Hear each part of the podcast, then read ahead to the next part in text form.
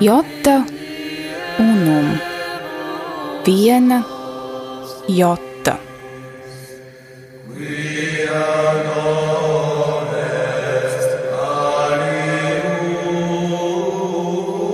Tradīcija Skaistums, kas paceļas pāri laikam. Skaistais ir paties, skaistais ir labs.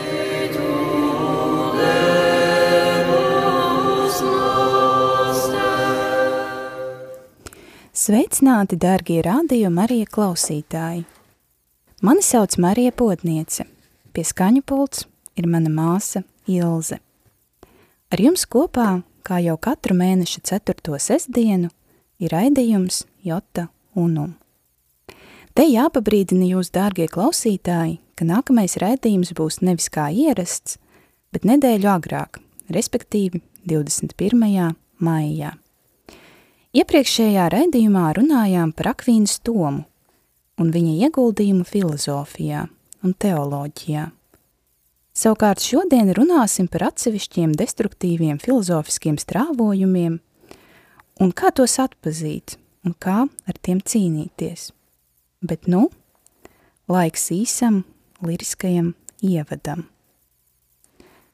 Svētais Augustīns ir teicis: Patiesība – ir kā lauva. Tev tā nav jāaizstāv. Atbrīvo to, un tā aizstāvēs pati sevi.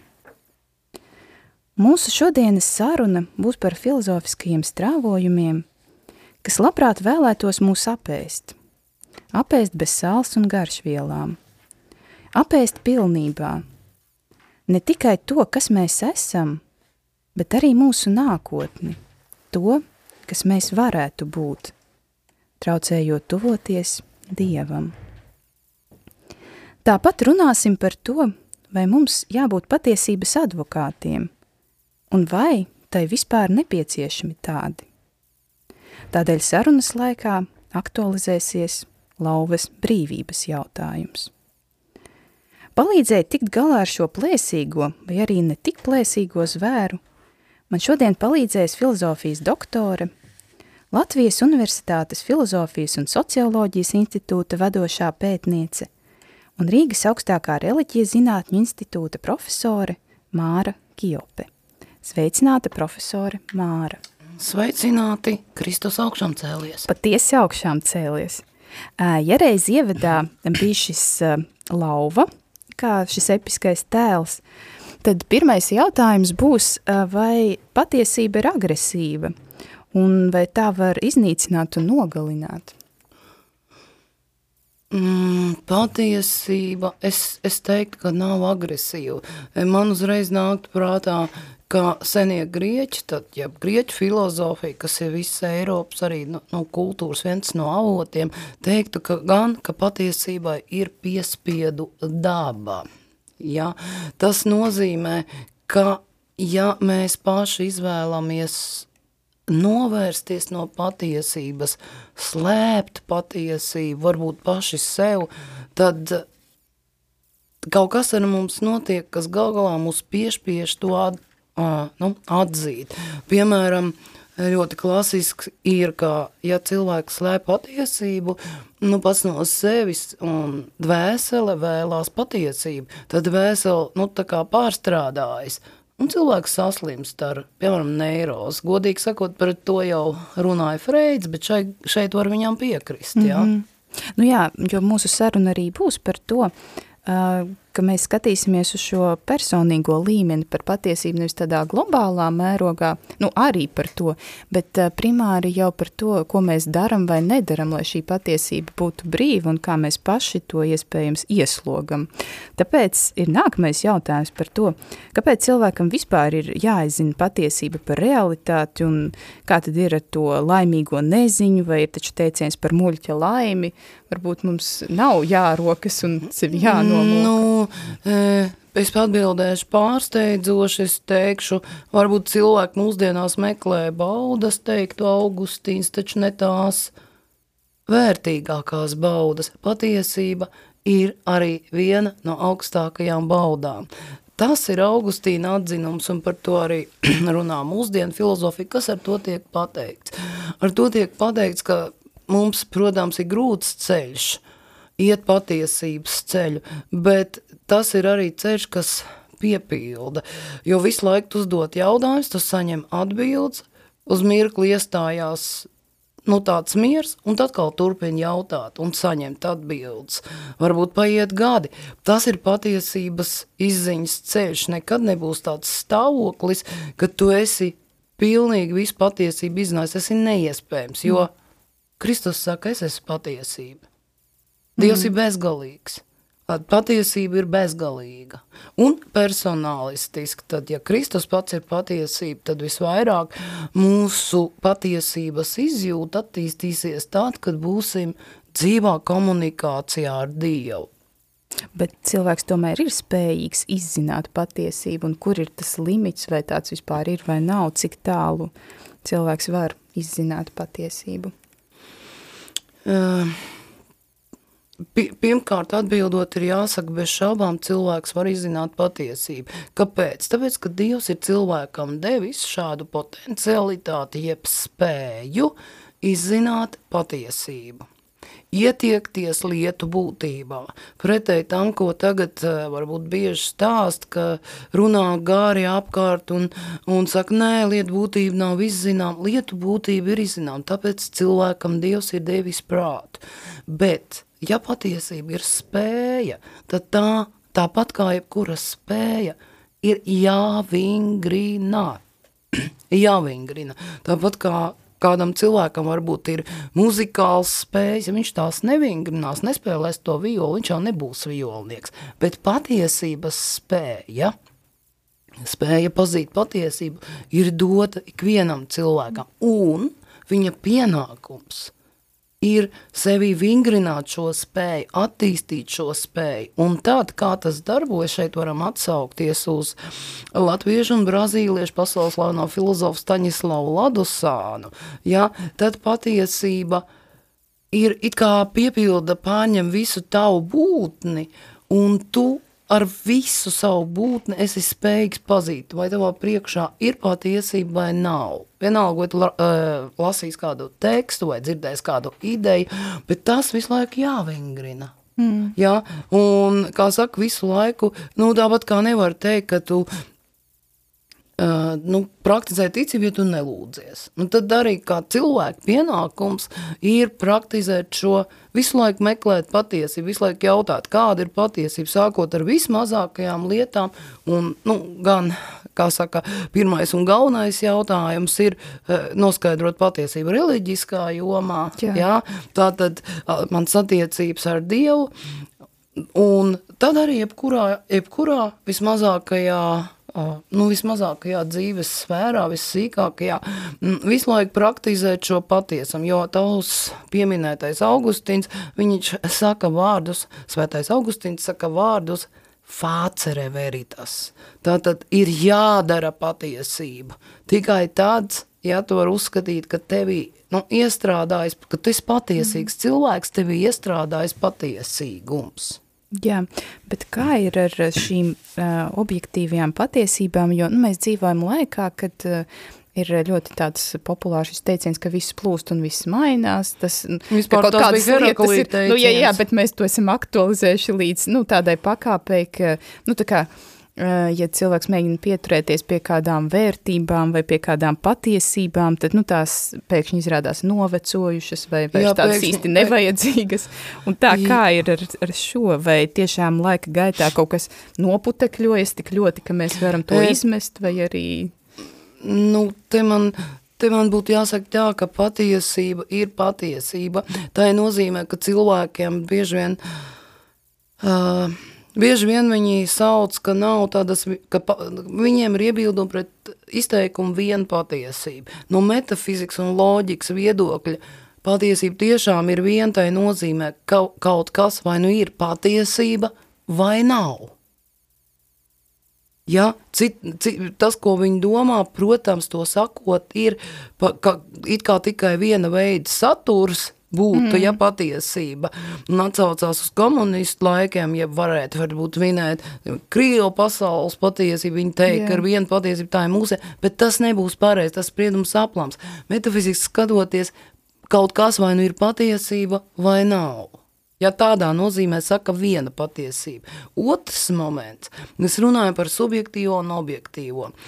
Šie jēdzieni faktiski tika izstrādāti viduslaika filozofijā un stipri sabradāti laikā no 17. līdz 19. gadsimtam, tad kāda filozofija kļuva par tādu kā dabas zinātņu kalponi. Un kristīgā filozofija, var teikt, vispār stāvēja nomaļus, tur klusi kaut kur attīstījās speciālās iestādēs, tikai tāpēc mm, mm pāvestam Leonam 13. vajadzēja izdot šo encikliku Eterni Patras, lai teikt, ziniet, ko katoļi, e, tomēr ņemsim šo lietu savās rokās, katoļiem ir jāstudē toms, svētais akvīns toms no avotiem, un tad radās visā mm, visā pasaulē 20. gadsimtā šis neotomisma uzplaukums. Bet baznīcas dokumentos mēs joprojām sastapsimies, kā viduslaika filozofijas nozīmē, metafizikas nozīmē tiek lietot jēdziens subjektīvs un objektīvs. Proti, tu esi subjekts, jebkurš no mums ir subjekts, un Jā. jebkura pat vislielākā, vispareizākā patiesība mums ir jāpadara subjektīva par mūsu subjektivitātes mm -hmm. daļu.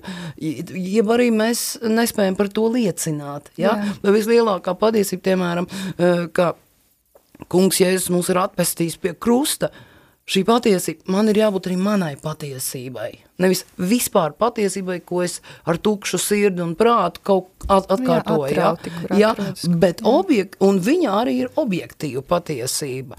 Uh, bet objektum, tas nozīmē tas, kas ir nolikts priekšā. Bet runāsim par tādu patiesību, kas mūsos dzimst, nu, par kaut kādu sadzīvu situāciju, mm -hmm. par attiecībām ar cilvēkiem.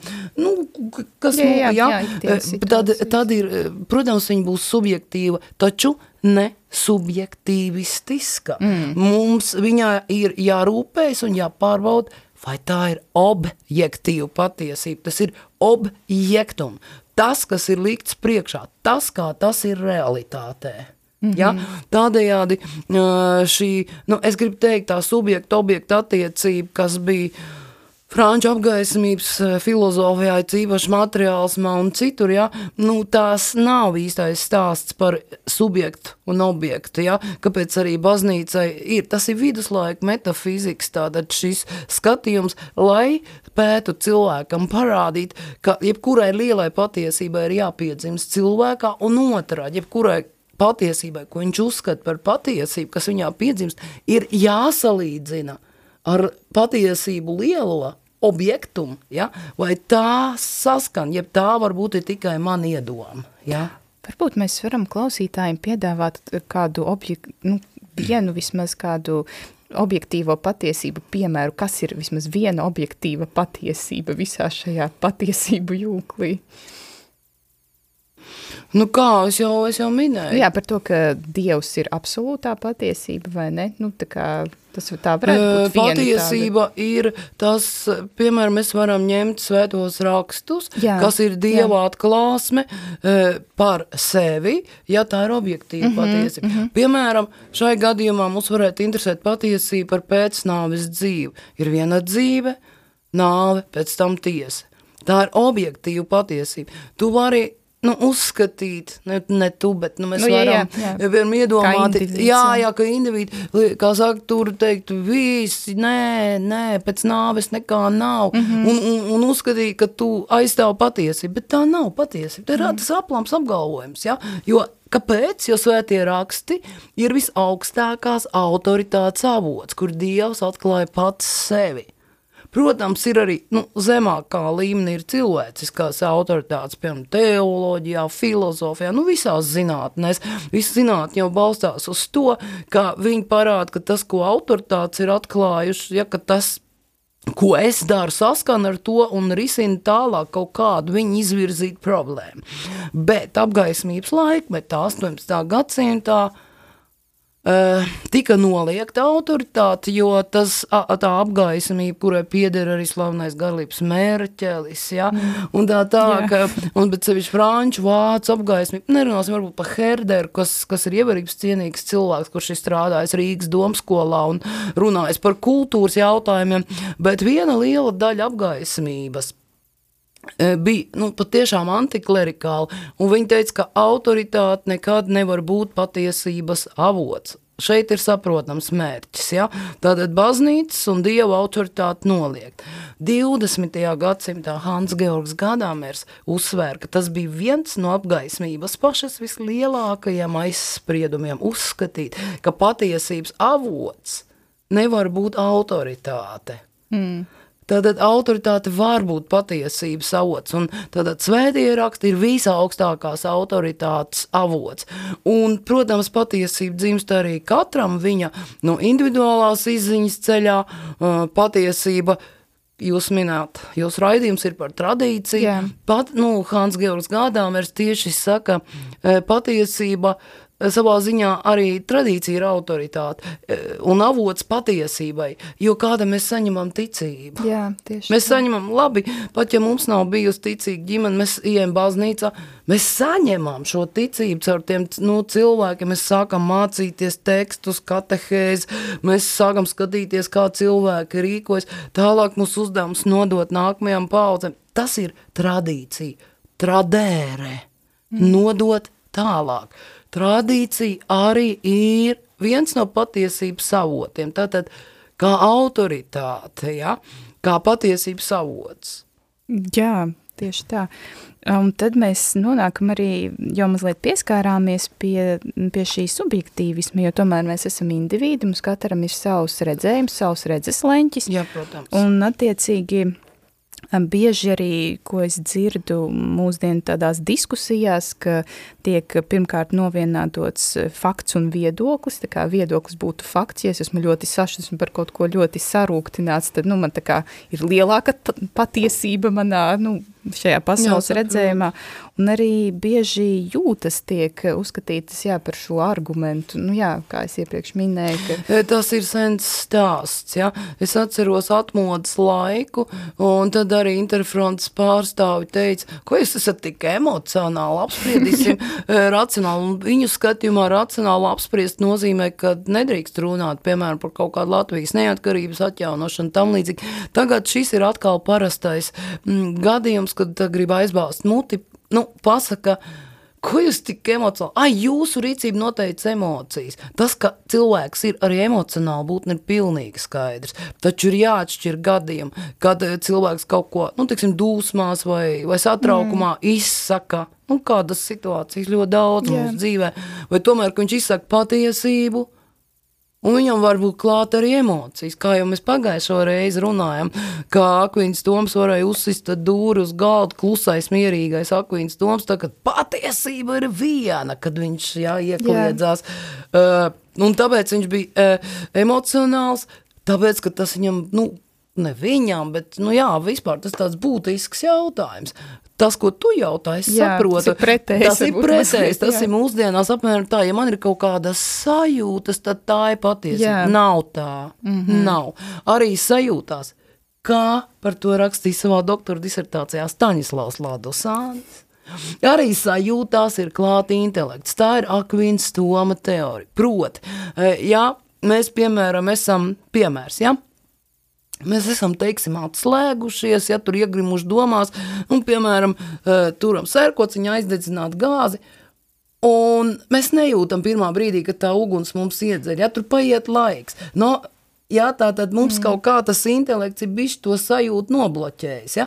Un normāli būtu, ka mēs jau uzreiz redzam, jau patiesībā arī sajūtās ir klāta intelekts, jo sajūtas ir āklas. Mēs taču varam taustīt, ko gribam, garšot, ko gribam, skatīt, ko gribam, ja tur nav intelekts klāt, kas pasaka, tas ir tas, Kāda nozīme tam sajūtām? Mm. Bet šodien tiek paceltas sajūtas tieši tāpēc, tādā pārmērīgā augsmā, lai bloķētu intelektu, lai kultūrā izplatītu tādas prakses, kā cilvēki, nu, nedzird arguments, ka viņi nemēdz runāt, viņiem neļauj runāt, jā, jo tomēr, lai pateikt kaut kādu domu, ir jāpiet kādām laikam, jā, lai, teiksim, jābūt izteiktiem diezgan daudziem teikumiem, nu, un lai tas klausītājs izlobītu jēgu, bet mūsu laikmetā viss notiek tā kā tādā Viktorīna spēlē, tu jāpasaka divu teikumu un tev tūliņ pārtrauc, Un vēl 1954. gadā savā lekcijā, lekcijā Princetons universitātē slavenais neotomists Žaks Maritēns teica, ka ja, mēs, ja mūsu dzīvē aizvien lielākā mērā ies šāda dialoga praksa kā Viktorīnās, tad patiesība tiks izstumta nomalē. Nu, jā, pēc, eh, pēc sajūtām. jā, tāpēc ir, paliek jā. tās sajūtas. Jā. Proti, tas dod iespēju manipulēt. Jā, jā? Jā. Jo tad, kad ir intelekts, kad tev ir jāizstāst savu pozīciju, jāpamato, nu tā ir pilnīgi cita lieta. Ja būtu mm. šis mums modē, mēs droši vien varbūt pat izvēlētos balsot citādi, nekā esam balsojuši līdz šim. Tā tagad Atbild divos jautājumos, vai atbild ar jā vai nē, uz tā, tā. Un tad kurš tur, kurš tur vai ne to, to triku izspēlē mm. labāk? Jā, mm. tā ir problēma. Tātad eh, šis saju arī, diemžēl, arī ticības jomā daudz sastopamies, ka cilvēks saka, Jā, es sajūtu Dievu sirdī, un tas ir pareizi. Man nevajag tur jūsu gudrības. Jā, tas ir nepareizi, tas ir absurds. Tavas jau senie grieķi teica, sajūtas var maldināt. Kas, piemēram, vienam medus liekas salds, bet ja cilvēks ir saslims ar kaut kādu slimību, viņš iedīs medu un teiks, uj, kur rūkts. Viņam, viņam tā tas garšos. Kuram tā, kāda objektīvā patiesība? Medus ir salds, ja brūkts. Nu, vajadzētu būt saldam. nu jā, jā, tā ir tā problēma. Tad jau senie grīķi saka, sajūtas var maldināt. Ir vajadzīgs prāta spriedums, jo prāts ir dvēseles augstākā spēja, ko radītājs mums ir devis tieši tāpēc, lai mēs atšķirtu labu un ļaunu, saprast, kā pareizi rīkoties, kādas vērtības ir augstākas, kādas zemākas. Un um, tad priekšklausītājiem varbūt noprecizēsim, ka tas, par ko mēs tikko runājām, ja mēs saucam šo uh, domāšanas veidu, nu, tā konkrētāk, tad tas būs subjektīvisms, vai ne? Jā, mēs... jā subjektīvisms jā. būs tad, ja kādā veidā, ja mēs teiksim, ka tas, kā es domāju, ir tā, tāpēc viena patiesība, ka es tā domāju vai es tā jūtu. Tas būs subjektīvisms. Kaut gan ir jāsaprot, ka ir jēdziens subjektivitāte, mm -hmm. kas raksturo mūsu iekšējo pasauli. Mums, ka, mēs, ka, mums katram ir subjektivitāte. Nu, jā. bez šaubām, un mēs katrs esam unikāla persona, un bez šaubām mums katram ir sava unikālā iekšējā pasaule. Tā ir subjektivitāte. Vārds subjektum nozīmē kristīgajā metafizikā tas, kas ir pamatā. Sub, ja? mm -hmm. subjekto. Jā, jā, jā. Kam pamatā? Aktivitātei. Mm. Tātad primāri esi tu kā subjekts, kas ir griba, prāts, ja, arī sirds, no nu, emocijas, ar visu savu dzīves pieredzi, ar visu. Tu esi pamatā tam, ko tu dari. Pirmais, par ko tev jārūpējas, ir, lai tevī dzīvo patiesība, lai tu esi patiesīgs cilvēks, ja? un tad, kā saka, tu vari e, to nu, izplatīt, varbūt kaut kādā ziņā liecināt par to.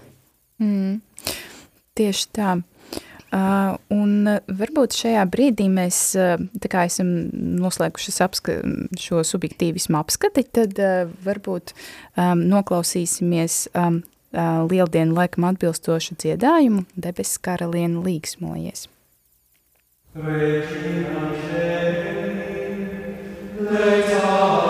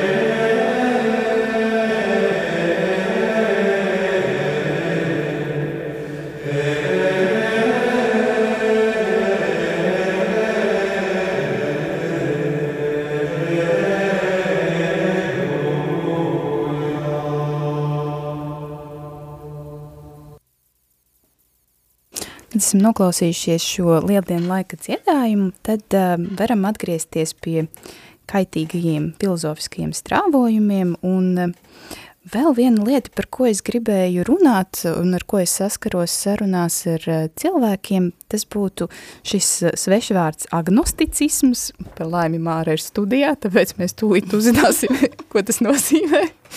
Kādā kontekstā tu Tādā kontekstā es saskaros, jā, es ar to saskaros, ka cilvēki saka, nu, varbūt tas dievs tomēr tur ir kaut kur, bet kā, nu, kā es to nevaru īsti pārbaudīt, un, nu, mēs to nevaram mm. zināt, iespējams, tas pārdabiskais kaut kur jau nu atrodas, bet, nu, es tāpēc arī neiešu uz baznīcu, jo, nu, īsti jau nav zināms, nu, kā... Nu, īsos vārdos sakot, mūsdienās tiek atzīts, ka ar vārdu agnosticisms patiesībā tiek slēpts ateisms.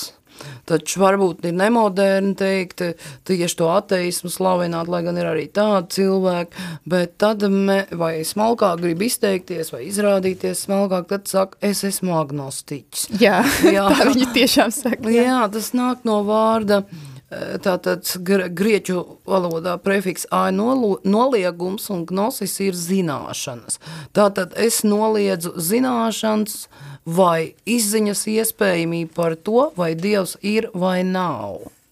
Ja, bet varētu atsaukties tiešām uz baznīcas dokumentiem, kaut vai tas, par ko tu rakstīji bakalaura darbā, tātad eh, Vatikāna pirmā koncila eh, konstitūcija, kur ir skaidri pateikts, ka cilvēks ir spējīgs izzināt, ka Dievs ir. Nu, vispirms jau tā dabas grāmatā, ja mēs ats- atskatāmies uz eh, svētā Pāvila tekstiem, ja, kā cilvēks var izzināt, ka ir Dievs. Eh, Ladusāns teikt tā, ja ir cilvēks, tā tad ir jābūt arī Dievam. Ja? Un eh, te tā lieta nav pašā izziņas procesā, bet tajā, ka cilvēks nevēlas izzināt patiesību. Nu, tā Un rētāk eh, tas vienreiz es intervēju, kad strādāju žurnālistikā, intervēju kādu aizmirst, tagad no kurienes bija šis priesteris varbūt, uh, bet viņš runāja par patiesības meklējumiem, un viņš piebilda patiesības meklējumiem ir jābūt godīgiem. Un godīgi meklējot, mēs nevaram neaiziet līdz Dievam. Bet, protams, mēs varam teikt, es esmu agnostiķis un nemaz nemeklēt patiesību, vai arī teikt, es esmu patiesības meklētājs, no rīta līdz vakaram meklēju, meklēju, Nevaru atrast, meklēju, un nevaru atrast, jā. Mm. Tāda agnosticisms ir eh, konkrēti, mūsu laikos tas vairāk ir mm, noliegums par to, ka es spētu izzināt Dievu, lai gan faktiski es zinu, ka Dievs ir. Zini, man ienāca prādā, Poncijas Pilāts varētu būt pirmais agnostiķis. Jā, jā, jo principā viņš nu, no vienas puses tā kā nojaut, un tāpēc viņš arī tās rokas mazgāja, jo, nu, tā bija Jo, jā, viņš prasīja, kas ir patiesība, jā. un patiesība klusēja, jo patiesībā viņš ļoti labi nojauta un saprata, ka kaut, notiek kaut kas liels un kas te varētu būt, bet viņš, kas ir patiesība? Nu, vispār es nezinu, kas tā patiesība tāda ir. Nu, cikot, Poncijas Pilāts izpelnās arī agnostiķu titulu. daudz titulu viņam, es domāju, mēs varam piešķirt. Eh, Bet kā mm, vispār šīs, eh, teiksim, eh, kaitīgās eh, filozofiskie virzieni, kā viņi ietekmē cilvēka spriestspēju, kāds cilvēks kļūst, jo es saprotu, um, kā mēs sākumā dzirdējām par šo lauvu, uh, ka sanāk mēs to lauvu tā kā ieslogam, mēģinam viņu nolikt kaut kur stūrītī, nu kā tādu dekoratīvu māju dzīvnieku, kā zi zelta ziltiņu, bet eh, kas notiek ar šo cilvēku, kurš tā ir izdarījis, kā, kā viņa dzīve ievirzās, kas ir riski, Nē, kas es notiek? gribētu ļoti nopietni runāt par to, par ko mēs runājam ar mūsu studentiem, kā tu arī varbūt atceries no pašiem sākumiem, ka filozofija, jā, nodarbības ar filozofiju arī ir garīgs process. Un tajā ir nepieciešama garīgā izšķiršana. Un bieži vien problēmas ir tāpēc, ka nu, cilvēks sāk studēt filozofiju vai nodarbojas ar filozofiju, un kā lai pasaka, viņu piemeklē daudz kārdinājumu, ja tā viņš, tā viņš krīt depresijā, nē, es nekas neesmu, nekam neder, tā paceļās lepnības augstumos, esmu ģeniāls, man tikai nesaprot, visu laiku tev mētā, kāpēc? Tāpēc, ka tev nav garīga enkura, Ja? Tāpēc, nu, nu, senāk, kā saka, nevarēja pat iedomāties, ka cilvēks, kurš nebūtu ticīgs, nodarbojas filozofiju, jo tā ir bīstama nodarbošanās, teica viduslaikos. Tā ir bīstama nodarbošanās. Un esmu lasījis arī eksorcistu stāstus par to, kā uh, tik tiešām atļausiet pieminēt, bet uh, kritušajiem eņģeļiem vairāk var visu pasaulē patīk nodarboties ar filozofiju. Un tad viņi pamet tādas Jā, idejas. idejas un pamet arī tādas, nu, mezglus, samezglojumus, ja, ko būtībā cilvēks nav spējīgs atrisināt, jo viņam nav eņģeliskais prāts, viņam ir cilvēka prāts. Tāpēc arī mēs saucam Kristu palīgā, ja, vai vismaz erceņģeli Miķeli, mēs Jā. nevaram ar viņiem tikt galā. Bet filozofijas pasaulē, ja tu neesi garīgi sagatavots un tev iemet kaut kāds tāds lietas, ko var nodarboties gadiem, nojukt prātā, vai aiziet pilnīgos neceļos, tā mēdz būt. Kādreiz, kad, nu, e, kad es studēju pašos sākumos filozofiju un nebija vēl kristīta, es, es ļoti par to brīnījos, kāpēc ir kaut kādas lietas, kaut kādi jautājumi, kas manā skatījumā šķita bezjēdzīgi, ja, bet ar viņu milzīgi noņemās. Un man tagad, man liekas, es esmu atradusi atbildi lūk šajā, ko es stāstīju. Un tā tad, tā tad, sastopoties ar jebkādu filozofiju, ir arī jābūt nu, garīgam briedumam. Tā, nu, tieši garīgam briedumam, ja? jo tad tā patiesības izziņas spēja, patiesības atpazīšanas spēja, kas nāk no vienības ar Kristu, viņi tev palīdzēs nu, palīdzēs tikt galā. Jo uzskaitīt, izpētīt un aprakstīt pilnīgi visas tās, nu, uh, filozofijas, kuras tev var apdraudēt. Ja? Jā, tā jā. nav iespējams, bet ir iespējams sevi attīstīt to patiesības izjūtu, ja? stiprināties garīgajā dzīvē, un tad jebkāda informācija, pat ne tikai filozofiski, bet jebkāda būs tāda, ka tu atpazīsi pat, ja tu nu, nezinās to konkrēto autoru vai nebūs lasījis, tev, vai kāds tev izsaka to ideju, un, un tu uzreiz atpazīsti, tu vari viņu diagnosticēt. E, tā tas notiek, tātad tā garīgā sagatavotība, no ticības dzīve, tā ir absolūti, tas ir primāri, ja, un sekundāri, kā jau senie grieķi teica, un Akvīns Toms to tikai apstiprināja, ka mūsu saprašanai palīdz tikumu izkopšana.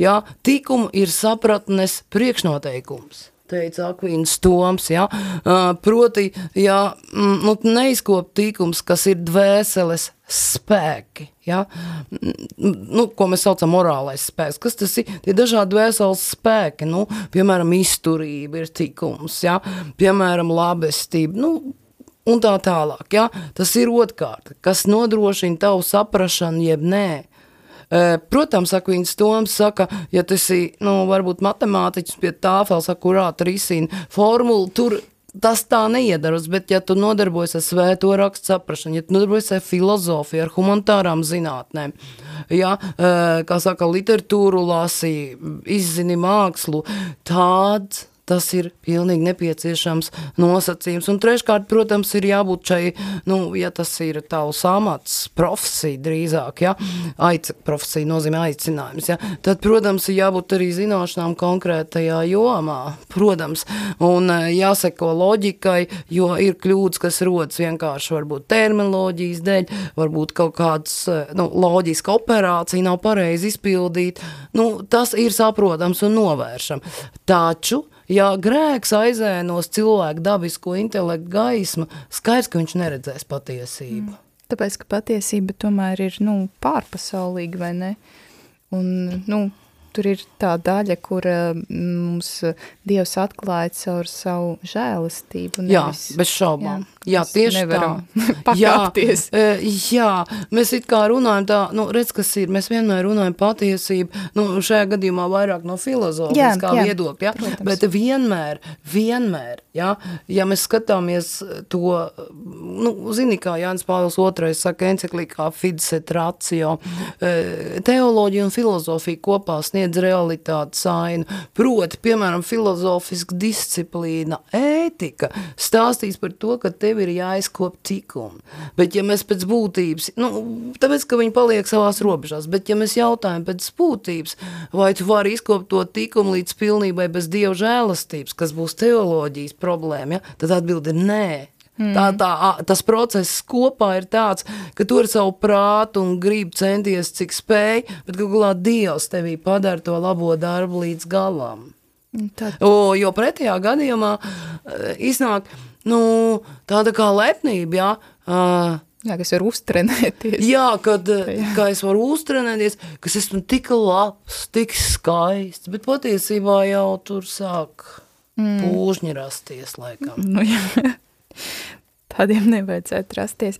Bet, tad, respektīvi, tas, ko mēs varam ieteikt saviem klausītājiem, kuri varbūt nenodarbojas profesionāli ar filozofiju, Jā, mēs protams, varam ieteikt vienkārši izkopt šo savu garīgo dzīvi, un tad, acīm redzot, Jā. nu, mēs redzēsim, ka diez vai tad viņi, nu, tā kā, uzskaitīs visus iespējamos dzīmumus, vai arī, nu, pieļaus kaut kādas tādas, jā, dzimtes, dzimtes, dzimtes, genders, ir, genders tātad tulkojas kā dzimte, jā, jā. ja 96, jā. Mm. Jā, protams, ja mēs runājam, piemēram, par šo genderu problemātiku, vai uz ko Jā, kas mēs... ir tāda objektīva patiesība īstenībā noliekšana, jo pēc bioloģijas mēs taču, nu, redzam kaut kādas lietas. Nē, tur arī tas mērķis, īstais mērķis visām šam līdzīgām ideoloģijām ir uh, faktiski cilvēkam sajaukt domāšanu, sajaukt, mm. izjaukt sakarus ar realitāti. Uh, un ar to realitāti, kas arī runā mūsos, kā mūsu iekšējā spontānā pieredze, ja?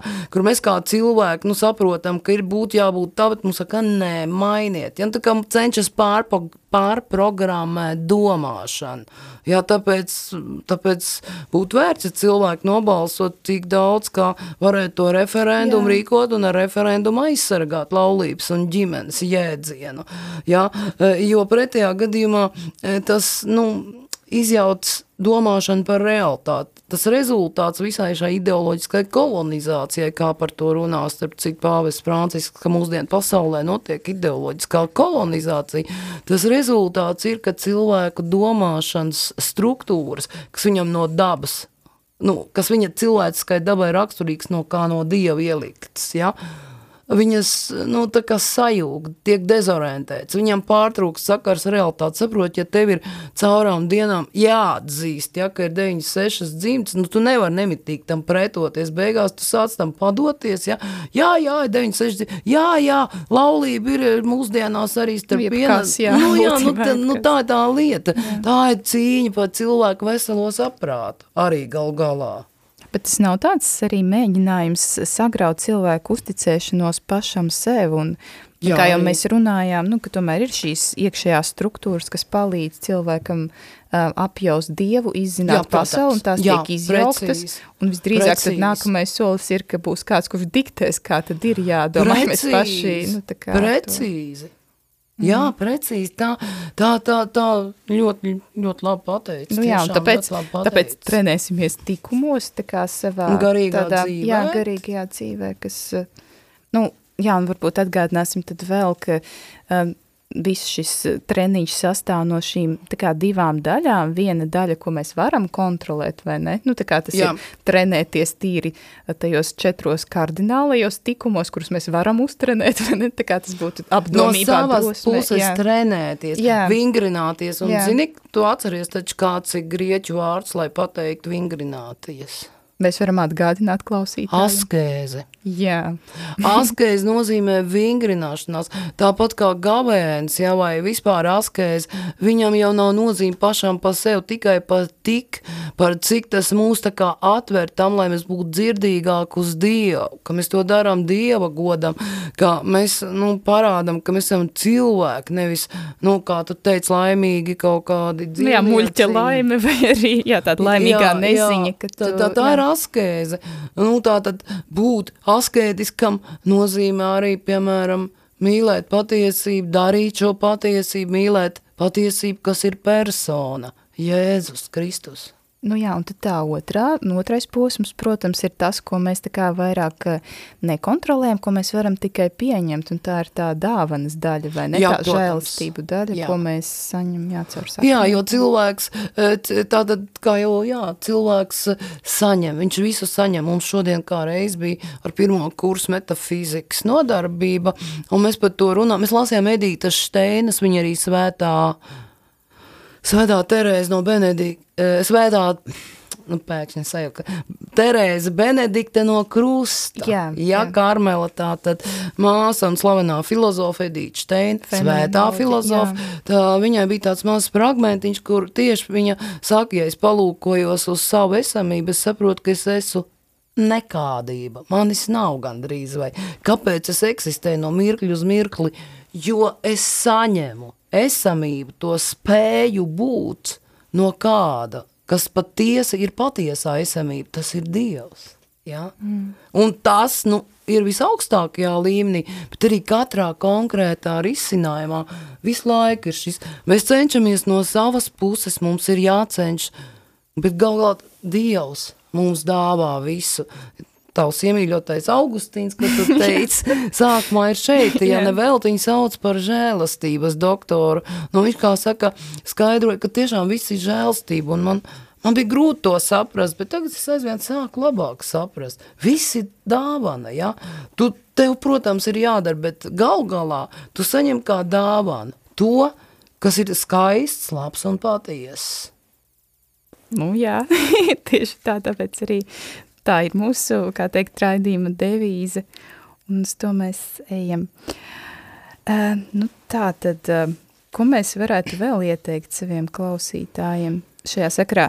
Varbūt ir kāds uh, vērojums tieši no jūsu puses, uh, varbūt kādas neģēlīgas citas filozofiskās jaunās idejas, ar kādām varbūt, jūs esat varbūt, saskārusies? nē, varbūt varam sākt ar mm. to, ka baznīca, katoliskā baznīca, uh, tā pamatnostādne ir tāda, varbūt kāds būs pārsteigts, bet katoliskai baznīcai ir, protams, oficiāla mācība ticības un tikumības jautājumos, bet baznīcai nav oficiāls filozofijas. Pat svētais Akvīns Toms ir un, teiksim, Augustīns ir visaugstākajā mērā rekomendējami un ieteikti, un viņi patiešām ir Dieva dāvana arī mums visiem, taču oficiāls filozofijas katoliskajai baznīcai nav. Bet baznīca nekad nevarēja palikt malā, ja kāda filozofija ļoti izplatījās kultūrā un eh, ar savām idejām apdraudēja ticību. Ja? Tā viņi, piemēram, viduslaikos iz, izdeva tur dekrēts vai kāds edikts vai kāds cits dokuments, kas bija vērsti pret tiem Parīzes avērojistiem, tas nebūtu tik aktuāli. Jā. Mūsu laikos ir nosodīts marksisms, mm -hmm. un, vai, teiksim, atkal tā, tā pāvests ir nosodījuši, piemēram, nu, šo pārmērīgo nacionālismu, kāds bija eh, tātad Vācijā, 30. gadu Vācijā, jā, Eh, jo tā tomēr ir tāda, ja tāda vesela filozofija. Eh, Pārējo es varētu atsaukties atkal jau uz Stanislavu Ladusānu, kurš savā grāmatā daudzpusīgāk nozeoloģiju veselu nodaļu velta tā saucamo vienpusīgo teoriju kritikai. Un kāpēc viņas ir vienpusīgas? Tāpēc, ka neņem vērā, nu tātad filozofiskās teorijas, ja? tāpēc, ka neņem vērā realitātes pilnību, kurā ir cilvēks, taču arī Dievs, apkārtējā vide un gal galā cilvēka attiecības pašam ar sevi. Ja? Tātad kā vienpusīgas uh, filozofijas piemēru, nu, pretējs ir daudzpusīga. Mm -hmm. Daudzpusīgs humānisms, kas ņem vērā cilvēku visās viņa dimensijās, Jā. jo izteikt vienā definīcijā cilvēku nevarēs, ja? tikai raksturot ar daudzām, daudzām dimensijām. Bet lūk, tātad, piemēram, nu jā, ko varētu teikt, nu tas pats, ko es pieminēju, ja? kur, protams, var kaut, kā, kaut ko paņemt, bet um, piemēram, Freida mācība, ja? kā, kā filozofiski vērtējot, viņa reducē visu uz cilvēku seksualitāti. Jā. Vārds reducē Jā. nozīmē, ka visu cilvēka personu, nu kā mm, ietilpina kaut kādā vienā Jā, aspektā. Tas ir svarīgākais, kas cilvēkā Jā, bet ir. jāņem Jā. vērā visi aspekti, ja? Vai, teiksim, ir tāda mācība, kas saucās, nu, teiksim, Levijas Trosts struktūrālisms, ja? Piemēram, saka, cilvēkam ir kaut kādas, nu, struktūras, piemēram, kolektīvās zemapziņas apziņas struktūras, kas nosaka mūsu uzvedību. Ja? Mēs esam tā kā bara, nu, tad kā mēs barā, neesam, mēs jā, tad mēs neesam brīvi, jā, jā. jo struktūras darbojas, un mm -hmm. mēs tā kā tādu robotiņu izpildām viņu līdzi, programmatūru. Jā. Tā nevar būt. Tātad šeit būsim pretrunā ar brīvības principu. Jo pats galvenais, ko Dievs cilvēkam dod, ka, kur ir tā, mēs sakām, līdzība ja? ar, ar Dievu, ir tieši, kad ir prāts, griba un brīvība. Tā ir spēja. Ja? Tātad, kas atkal ir nu, visu laiku jāīsteno. Ja tu viņu neīstenos, nu, tad viņas nebūs. Tev pašam ir jāizno. Grib, prāts, griba un brīvība. Jā, tas ir svarīgi. To mēs varam, jā, tā kā... Jā, tad, tad jebkas, kas vēršas, piemēram, pret jā. prātu vai tieši otrādi izceļ vienīgi jā. prātu un pārējo noliec. Jā, Tātad tikko ir pārspīlējums, jā, jā. tā ir jāuzmanās. Mm -hmm. Katoliskais, veselīgais skatījums ir, nu, ka jāmeklē tā līdzsvarotība. Ja būs pārspīlējums, tā jau varētu būt pirmā zīme, ka kaut kas... Jā, ka kaut kas nav kārtībā ar šo sistēmu, ar ko mēs saskaramies. Jā, lieliski. Tātad, eh, nu, tas būtu tā kā mūsu tāda receptīte, ka principā katoļu baznīca ir visu tīri labi definējusi un ir mūs pasargājusi. Katoliskai baznīcai uh, ir milzīgs mantojums, ja? un ir cilvēkiem ļoti gribētos likt pie sirds arī ticīgiem, nu vairāk iepazīt to savas baznīcas mantojumu, kur ir bijusi un ir visas Eiropas kultūras, ja, šūpuls un avots. Ja? Mm. Tāpēc, kā caur viņu nāk dzīvais Dievs. Uh, ja nav saiknes ar dzīvo Dievu, kurš ir pati dzīvība, tad tev būs konstrukcijas. Tev nebūs nekā dzīva, radoša, interesanta. Tu varēsi atkārtot, tu varēsi izmēdīt, tu varēsi paņirgāties, kā daudzi jā. dara, ja? izsmiet, bet tu nespēsi radīt, ja? kas arī ir lielā mērā mūsdienu kultūras un taiskaitā filozofijas problēma. Kāpēc nerodas, ja? Kaut jā, kas, kāpēc ja, nerodas kaut tāpēc, kas jauns, ka, jā, nu, nesmēl no dzīvā jā, avota. Jā. Ja? Tu esi aizslēdzies dzīvajam avotam, un tu vari vienkārši tikai reproducēt, klonēt. Mm. Un pielikt pa starpām savus kaut kādus uh, komentārus. Nu, jā, tas ir tāds precīzi īstenībā raksturojums mūsdienu situācijas. Bet uh, tā tad receptīte jums ir prāts, griba un brīvība. Uh, uzmaniet, vai netiek uzbrukts kādam no šīm daļām, teic, un, eh, vai arī kāda no šīm daļām nav pārāk izcelta un tāda veidā noniecinot pārējās divas, respektīvi.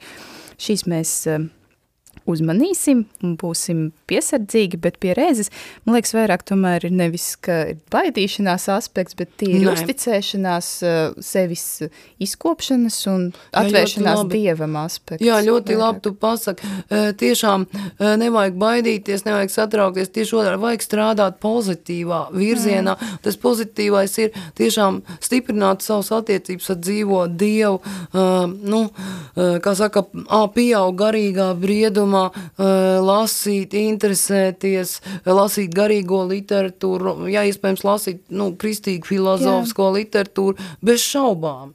Nu, Tas jā. ir galvenais, ja? Nē, nē, baidīties gan nevajag. Nu, ko tad teica Jānis Pāvils II? Nebaidieties. Jā. Tas man liekas ļoti aktuāli visu laiku, nebaidieties, jā. Nu jā, turklāt, ja Uzticieties mēs, jā. Kristum, jā. Jo, ja mēs būsim dialogā ar Dievu, tad jā. sātens tur nespēs iesaistīties, jo, nu, tā kā, ja mēs komunicējam ar Dievu tajā brīdī, tad, eh, jā, paldies liels, Māra, par sarunu, kā vienmēr bija prieks jūs dzirdēt, uh, protams, aicināsim jūs atkal, uh, un, um, noslēdzot šo raidījumu, um, raidījums Jota Unum turpina savu teoloģiski filozofisko ciklu, un nākamajā raidījumā mēs eh, jau tā kā varbūt eh, aiziesim prom mazliet no filozofijas un pievērsīsimies mazliet teoloģiskiem jautājumiem, jo nākamajā reizē mēs aplūkosim konkrētu piemēru baznīcas vēsturē, tā būs ariānisma herēze, Mēs to apskatīsim kā novirzi no patiesības un redzēsim, kā šādas novirzes ir kaitīgas, kā tās ietekmē mūsu ticības dzīvi, un par to visu mēs runāsim nākamreiz, tādēļ tiksimies nākamajā reizē. Savukārt raidījums Jota Unum, kā Alež aicina uz tradicionālo latiņu svēto misi, rītdien 24. aprīlī pulkstens 12. ogarē, aicinu jūs ļaut sev piedzīvot šo gadsimtos izkopto baznīcas tradīciju un respektīvi rītdien, pulkstens 12. ogrē. Tāpat atgādinu, ka joprojām noris parakstīšanās par tradicionālās ģimenes iedzienu nostiprināšanu satversmē, un tā ir iespēja tiem, kas vēl to nav izdarījuši, parakstījušies, nu, to izdarīt, jo, kā arī mēs runājām, nu, tomēr tēvs, māte un bērni, tas ir, nu, diezgan objektīva ģimenes definīcija, un tādēļ, nu, atbalstīsim veselo saprātu, uh, tāpat aicinu iesaistīties sinodālajā ceļā un um, iesaistoties rosināsim padarīt tradicionālo latiņu svēto misi pieejamu visā Latvijā, uh, un ir tīpaši Rīgā rakstot uz e-pastu sinode lv at gmail.com. Tāpat, ja jūs pārvaldat kādu no lielajām pasaules valodām, piemēram, angļu, var rakstīt arī uz Vatikānu. Un visas šīs e-pasta adreses ir atrodamas mājaslapā katolis.lv. Un, kā jau iepriekšējā raidījumā minēju, šai vēstulē nav jābūt sarežģītai vai īpaši oriģinālai, garai, Un tāpēc iedvesmē varbūt nolasīšu Ilzes atcerētu vēstuli. Um, tātad, um, kā Ilze raksta, atbildot uz daudzu ticīgo pastorālajām vajadzībām un ņemot vērā pastorālā labuma principu, lūdzu padarīt Latvijas iedzīvotājiem plašāk pieejamas tradicionālās latīņu svētās mises, it īpaši Rīgā. Pēc savas pieredzes varu liecināt, ka dalība šādā liturģijā nes bagātīgus garīgos augļus. Tā dziļi ietekmējusi un izmainījusi manu garīgo dzīvi un kristīgo stāju. Vēlos, lai tradicionālā latiņu svētā mise būtu plašāk pieejama, jo tas ļautu vieglāk ar to iepazīstināt manu ģimeni un draugus. Un es, protams, ceru, kā vienmēr, ka šīs vēstules paraugs iedvesmos arī jūs uz uh, tam līdzīgām vēstulēm. Būsim aktīvi, baznīca aicina mūs izteikties, tāpēc izteiksimies. Un visbeidzot, kā vienmēr noslēdzot raidījumu, vēlos pateikties visiem tiem, kas atbalstīja un atbalsta savās lūkšanās un nodomos. Liels paldies jums un uz drīzu tikšanos!